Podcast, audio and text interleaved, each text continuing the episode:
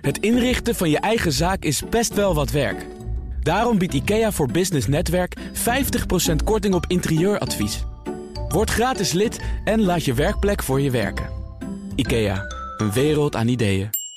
Ondernemerspanel. Het ondernemerspanel, eh, daar gaan we het onder meer hebben over de zogeheten Code V-convenant... om meer vrouwen te stimuleren om ondernemer te worden. En verbakkingsvrije supermarkt Pieter Pot is gisteren failliet verklaard. Wat ging er mis? Gaan we bespreken met eh, Wendy van Eerschot, oprichter van V People en V Tech Capital... en eh, Erik Pekel, eigenaar van AH Bureau voor Live Communicatie. Welkom allebei. Ja, dankjewel. Leuk hier te zijn weer. Laten we eerst maar eens met het laatste nieuws beginnen. Ja, mediabedrijf DPG wil RTL Nederland overnemen, komt zojuist binnen. Ja, ik, ik, ben, ik moet er even van bij komen. Even van, ja, de twee bedrijven hebben daarover overeenstemming bereikt. DPG heeft met de RTL-groep afgesproken dat de naam RTL behouden blijft. En DPG heeft het voornemen om RTL Nederland en RTL Nieuws... onder leiding van eh, Sven Sauvé als eh, nieuwe divisie aan DPG Media toe te voegen. Ja, het, dus je blijft er even stil van. Ja, ik had het ook niet aanzien komen. En uh, ik ben heel benieuwd uh, wat, het, uh, wat het brengt. Hè. DPG is natuurlijk een hele grote speler al geworden. Dus ik, ik, neem aan dat ze nog wat vinkjes moeten halen hier en daar. Want ze worden natuurlijk oppermachtig zo. En dat is waarschijnlijk ook waarom het zo interessant voor ze is, deze move. Ja, want inderdaad, RTL en Talpa waren natuurlijk eerder aan het praten. Dat is toen allemaal niet doorgegaan. En nu wordt het dan DPG. Ja, dus het zal wel in een diversificeringsagenda zitten van DPG, denk ik dan. Hè? Dus die, die krijgen dan heel veel verschillende soorten media om zich. En dan kan je allerlei cross-mediale producten waarschijnlijk aanbieden aan je klanten. Radio, tv? Radio, tv, uh, online, uh, offline uh, magazines. Volgens mij van alles zit er dan in onder één dak. Ja. ja, dat kan heel goed werken. Ja, misschien maar is ik, ik, moet ook even nadenken van... hé, hey, uh, uh, ja, het is voor mij echt een verrassing. Ja, het komt inderdaad net nieuw binnen, dus ik overval jullie er ook een klein beetje mee. Maar jullie hadden ook nog eigen nieuws en jullie hadden allebei hetzelfde eigen nieuws. Ja, wel heel geestig is dat. Uh... ja, het gaat beter in de horeca. Hè? Dus de, de arbeidsmarkt uh, krapte daar uh, dat we niet meer konden reserveren... omdat de helft van het restaurant niet bediend kon worden. die tijden zijn voorbij. Dus dat is heel goed nieuws. tegelijkertijd, nou, er worden een aantal redenen genoemd. Ik heb ook even een beetje rondgevraagd in mijn vriendengroep... met horeca-ondernemers. En er wordt ook wel aangegeven naast het positieve nieuws... wat jij zo direct nog even misschien kan benadrukken... dat er ook wel angst is voor um, meer faillissementen, hoge schuldenlast. Veel horecabedrijven die voor de markt uit worden verkocht. Uh, dus aan de ene kant is het heel positief. Uh, Want we kunnen weer uh, allemaal bediend worden. maar goed, er, er, er zijn ook veel bedrijven die sluiten natuurlijk. Omdat we zo nog steeds coronaschulden hebben, belastingsschuld... en dat allemaal moeten terugbetalen. Ja, en de EBITDA, dus wat we verdienen na afronding van alle kosten en belastingen... loopt ook terug. Dus dat is niet terug op het niveau van voor uh, de coronatijd. Ja, en het personeelstekort zou nu ook enigszins opgelost zijn, omdat er gewoon meer betaald wordt. Dus het kost ook veel meer om al die mensen gewoon in, uh, in dienst te hebben. Ja, nou, ik had eigenlijk het, dit, dit bericht gekozen juist als positief uh, nieuws. Dus het is inderdaad zo, hè, Wendy, die, die keerzijde is natuurlijk dat uh, die lonen enorm omhoog gaan. Uh, dat is een van de aanjagers mogelijk, hè, waarom dus dat personeelstekort uit beeld raakt in de horeca. Het wordt steeds makkelijker om die terrassen straks in de zomer allemaal open te gooien en te zorgen dat je overal lekker terecht kunt. En dat gaat natuurlijk ook zorgen voor weer gezonde, goede opbrengst en gezonde horecabedrijven. Ja, maar je zou inderdaad zeggen van het kost misschien ook wel meer dat personeel, maar dan heb je ook wat. Ik bedoel, dan heb je misschien ook wel meer omzet zometeen. Exact. En dat is natuurlijk het uh, hele goede nieuws. Want het is natuurlijk heel treurig dat als de zon schijnt. En ik heb het de afgelopen zomer echt een paar keer meegemaakt. Dat gewoon meer dan de helft van het terras, soms zelfs uh, het hele terras, gewoon gesloten is. Dat er staat: ja, sorry, we hebben te weinig mensen vandaag. Wil je naar binnen gaan? Omdat het te lang duurt, duurt om te ja, lopen. Precies, om te lopen. Ja. Nou, ja. En, nou, dat is ook wel. Hè, dus een van de redenen die wordt genoemd ook dat er meer ingezet wordt op robotisering. Hè, dus dat de afstand van de keuken naar de tafels daarmee. Oh, dan, dan komt het met een robot komt het gewoon uit de keuken, inderdaad. Ja, dan komt het uit de keuken. En dan het laatste handeling van het op tafel zetten wordt dan wel door een serveer. Maar dan hoef je niet steeds heen en weer te lopen. Precies, hoef je niet steeds heen en weer te lopen. En dat scheelt al heel veel personeel, denk ik ook. Ja, dat kan. Ik weet dat het uh, in, uh, in, uh, in een bepaalde restaurants twee FTE ongeveer scheelt. Dus dat is best wel veel. Um, tegelijkertijd um, vind ik het ook wel interessant om te zien dat mensen minder dagen open zijn. Dus sommige horecagelegenheden zijn minder dagen open, maar dat ze ook meer shifts draaien op een dag. Als je nu reserveert, mm. dan moet je vaak uh, zeggen ze: oh, je, je reserveert om zes uur, maar dan moet je om acht uur voor je tafel. Ja, dat is wel een beetje vervelend, vind ik dat hoor. Ja, ik, ik heb er eigenlijk niet zo last van. Want ik nee, maar als je, als je, als je gewoon uit eten wil, dan denk je van... nou, neem even lekker de tijd voor. Ja. En dan ineens dan zeggen ze... ja, dan denk ik van, oh ja, oh ja, kunnen we nog een toetje bestellen? Hoe lang hebben we nog? Ja, ik sta echt helemaal aan jouw kant, uh, Edwin, wat dat betreft. want uh, ik vind dat uh, het, het is het vak ook van de gastvrijheid. Je wil je daar echt ook gast voelen. En dan moet ook alles wel kunnen. En uh, dat soort restaurants waar je minder, weggestuurd kijk, voelt... Ja, ik kom daar gewoon niet meer terug. Ik heb dat echt een paar keer meegemaakt. Ik had het laatst ook inderdaad... Nou, ik vind het wel meevallen. En ik denk, ik vind het wel slim. Ik vind dat ook wel creativiteit. Dus als je kosten omhoog gaan... en je moet meer omzet draaien in minder tijd... en je laat mensen daardoor misschien ietsjes eerder beginnen... of ietsjes later komen... en je maakt zoveel meer omzet... ja, ik vind dat ook wel ondernemerschap. Maar ook inderdaad de keuken eerder dicht is dus ook een van die maatregelen. Maar ik had de laatste keer dat kon ik bijna geen toetje meer bestellen... omdat de keuken dicht ging. Ja, dan moet je eerder gaan eten. Ja.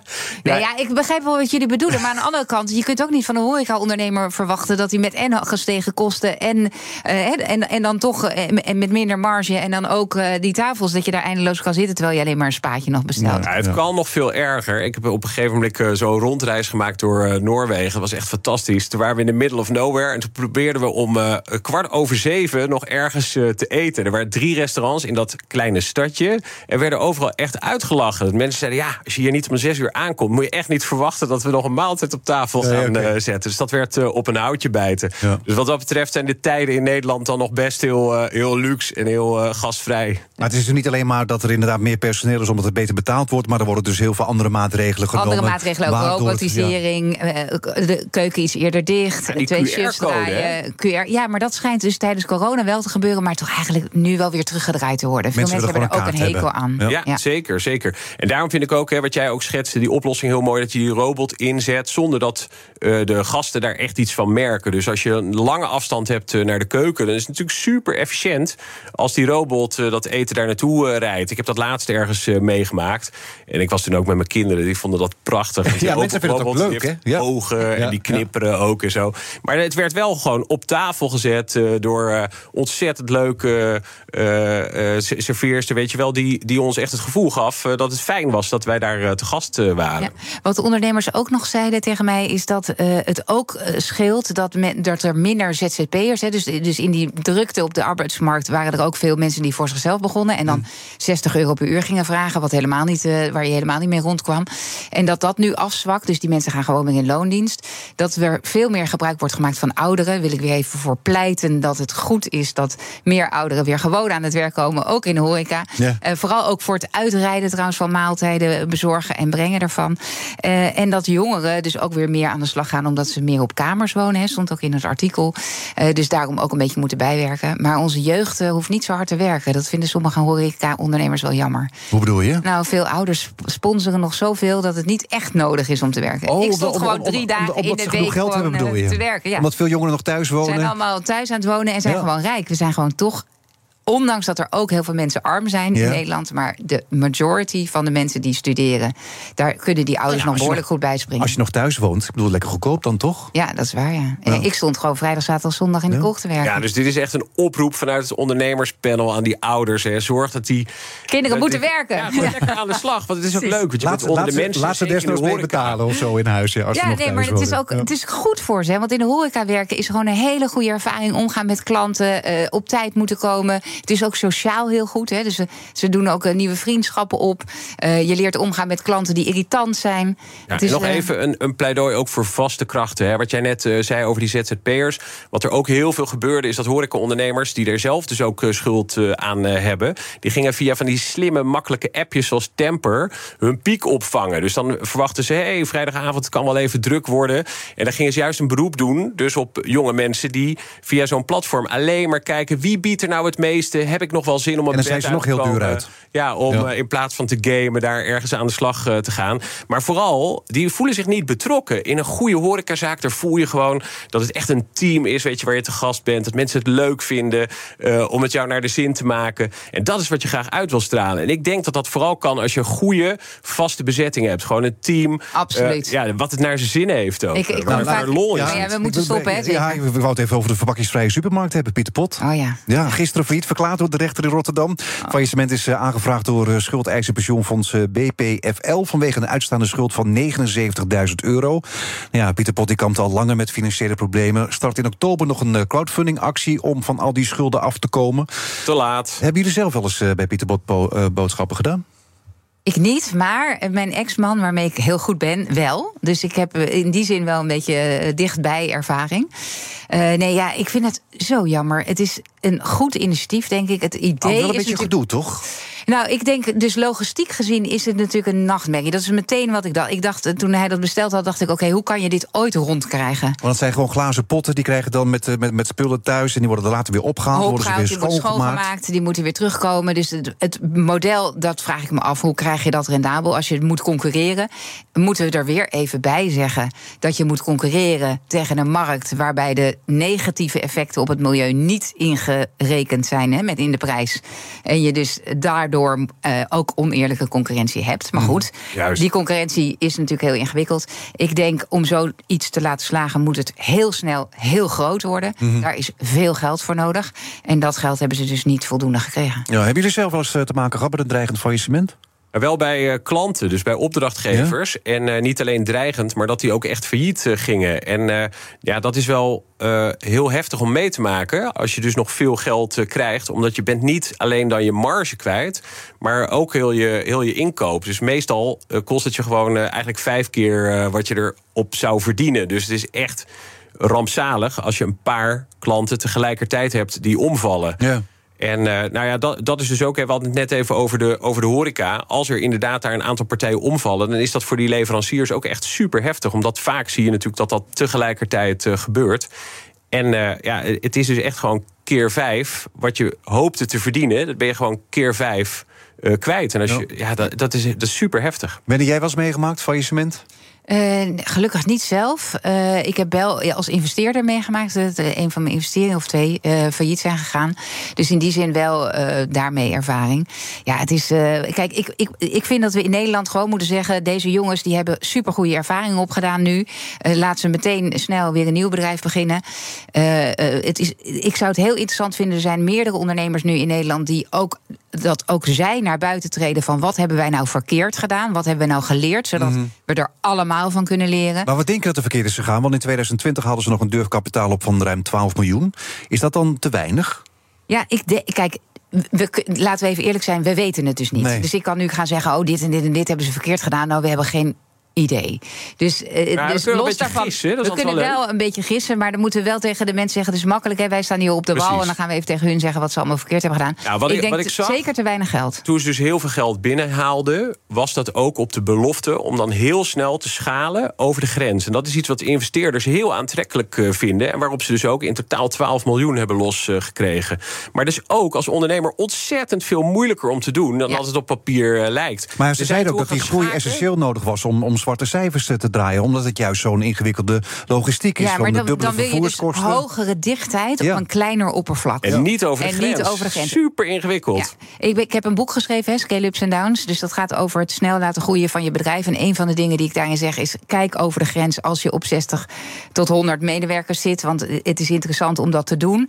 Maar we gaan over het algemeen of te snel of we gaan niet. Ja. Maar het is jammer dat je, dat je het net doet op het moment dat je het op de thuisbasis nog geen zwarte cijfers draait en nog niet het los kunt laten als ondernemers. Want dat, dus ze zijn te snel naar het buitenland gegaan, is misschien de conclusie. Ja, kijk, als je natuurlijk een app hebt of iets wat digitaal is, dan is dat heel veel makkelijker. En daarop zie je super successen ontstaan in de afgelopen 15 eh, jaar. En de investeerders die, die, die, die staren zich daar echt blind op. Dus die verwachten eigenlijk van elke uh, scale-up, maar ook van start-ups, vragen ze meteen: hey, hoe schaalbaar is dit? Kan dit meteen de grens over? Maar Wendy, wat jij net schetst, hoe ingewikkeld deze hele logistiek is.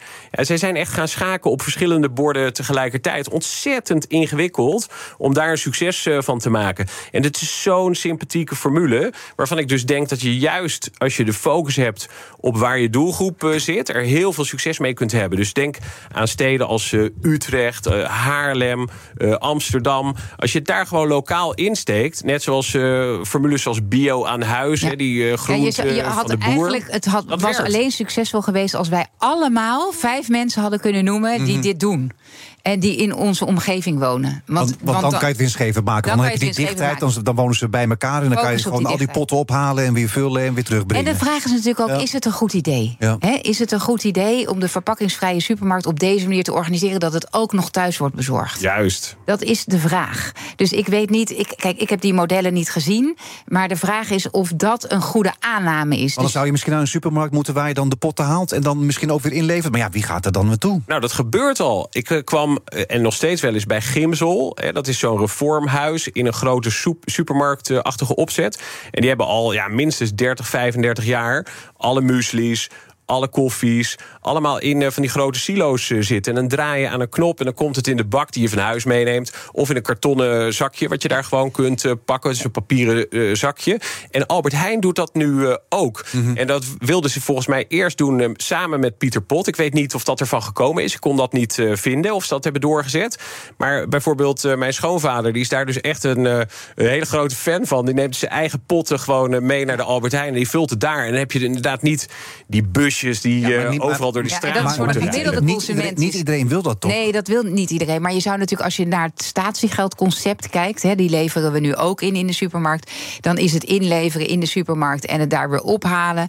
daar zou je wel iets op kunnen bedenken... Mm. wat misschien veel effectiever is uiteindelijk. Maar dus goed, het bedrijfsmodel zou kunnen werken met een paar aanpassingen? Precies. Dus ik hoop natuurlijk op een doorstart. Uh, en dat, uh, dat misschien andere ondernemers met de basis... want er zal ongetwijfeld veel wel goed werken. En ik roep Jury ook op deel wat jouw learnings zijn. Dus dat wij het hier inhoudelijk over kunnen hebben. En dat we allemaal van jouw mistakes en successen kunnen leren. Zodat we daar weer op verder kunnen. En ook met trots gezegd, je bent failliet gegaan, maar je bent nu een betere ondernemer. Ja, wat zijn ze nu niet te lang doorgegaan? Want eind 2022 dreigt er ook een faillissement. Toen zijn ze overgenomen door de delicatessenfabriek. Ja, ik vind dat je als ondernemer nooit kan zeggen dat je te lang doorgaat. Want je moet gewoon tot het einde, tot de laatste snik, totdat je met het mes op de grond ligt. Jawel. Doorgaan ondernemen. dat gaat nu ook nog gebeuren. Ja. Maar dan had je, maar dan had je misschien ook het, ook het verdienmodel moeten, het bedrijfsmodel ja, moeten, moeten aanpassen. Dat is een opmerking. In de corporates kun je zeggen, ja, we moeten er beter over nadenken, analyseren. Nee, ik wil ondernemers gewoon met bloed op de straat. En het was vreselijk. En met de, toch... Ja, ze zijn nog een crowdfundingactie begonnen. Hè. Ze wilden nog 3 miljoen uh, wilden ze nog binnenhalen. Ja, ze, hebben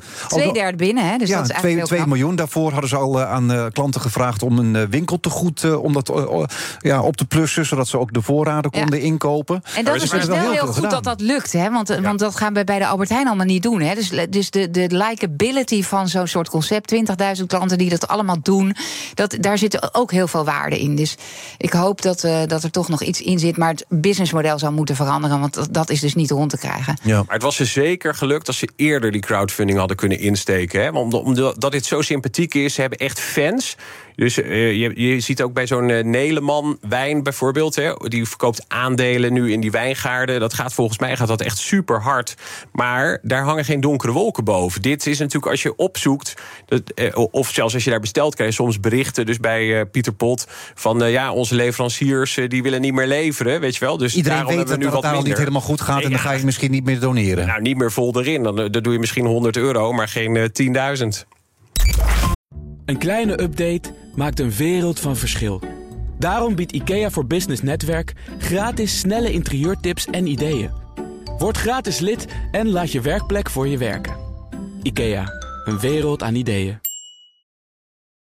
Ook Harm Edens vind je in de BNR-app. Je kunt BNR Duurzaam niet alleen live luisteren in de app, maar ook terugluisteren als podcast, zoals al onze podcasts. En naast dat de BNR-app Breaking News meldt, houden we je ook op de hoogte van het laatste zakelijke nieuws. Download nu de gratis BNR-app en blijf scherp.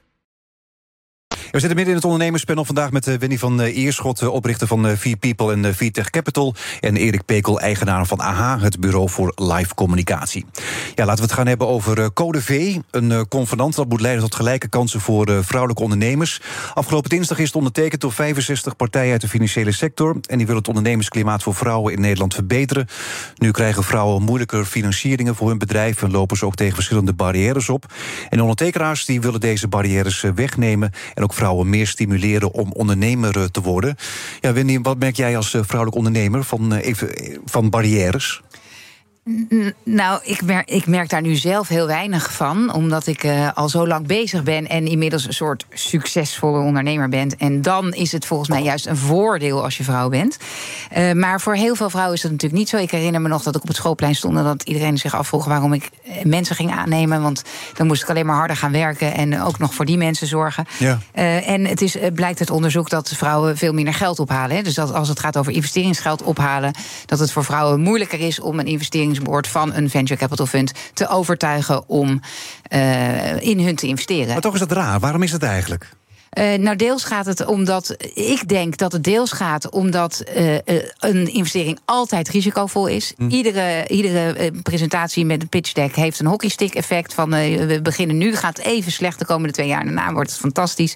Dus uiteindelijk investeer je op je vertrouwen, gevoel, cijfers en over je geloof in de ondernemer. En omdat je dat niet, ja, niet met een wetenschappelijke formule kan berekenen of iemand goed is of niet, gaan we het op ons buik buikgevoel doen. En dan blijkt uit de praktijk dat we mensen die op ons lijken, als we zelf succesvol zijn, daar hebben we meer vertrouwen in dan mensen die minder op ons lijken. En, en de meeste dus, zijn dus mannen. Zijn mannen, ja. Ja, werkt het echt zo? En dat, dat, dat weten we dat dat zo, zo is. Ja. Daarnaast is het zo dat veel minder vrouwen geld vragen. Hm. Dat vrouwen te weinig geld vragen. Dat vrouwen met minder grote, ambitieuze plannen komen. Waardoor het er ook minder groot en mislepend uitzien. Dat veel mannen denken: ja, maar je bent nu 27, zo direct ben je 30, ga je vrouw vrouwen, eh, gaan vrouwen bevallen. En dan wil je ineens alleen maar als moeder thuis zitten. Hoe ga je dat dan doen? Bij een man denken we daar nooit over na. Dus er zijn een heleboel maatschappelijke dingen. En vrouwen worden totaal niet gestimuleerd.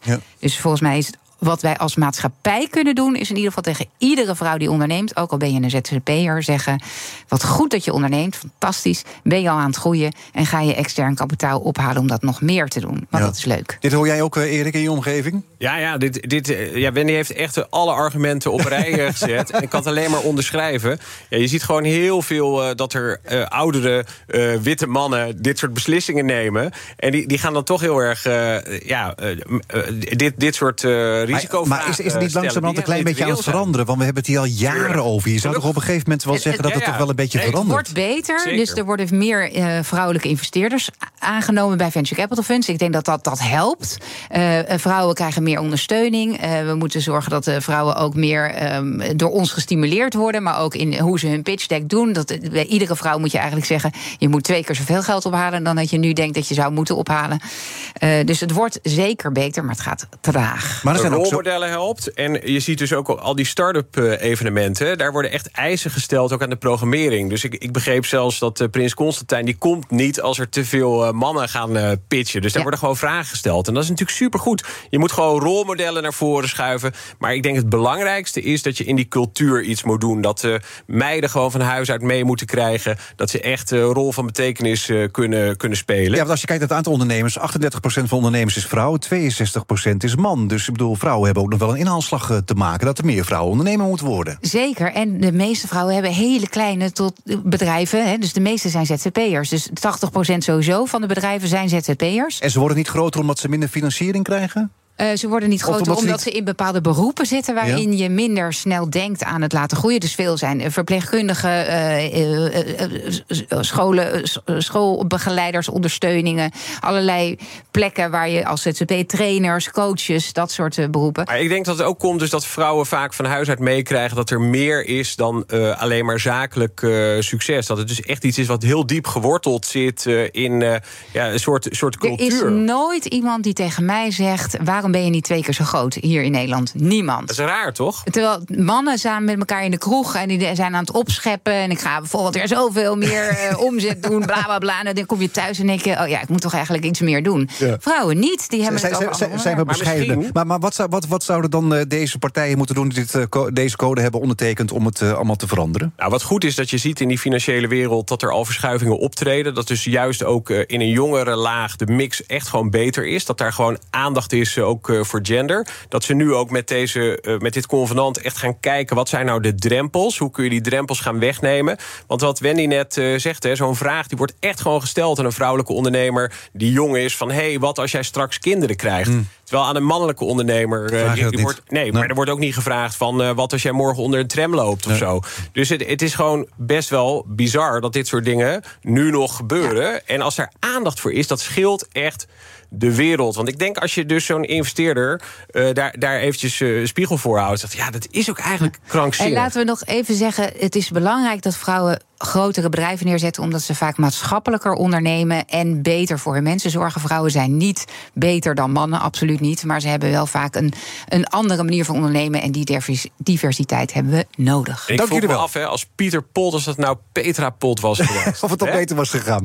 Dank jullie wel. Wendy van Eerschot, oprichter van V People en uh, VTech Capital... en Erik Pekel, eigenaar van AHA, het bureau voor live communicatie. Nou, de panel is ook te beluisteren als podcast. Abonneer je vooral even via je favoriete kanaal of via de BNR-app.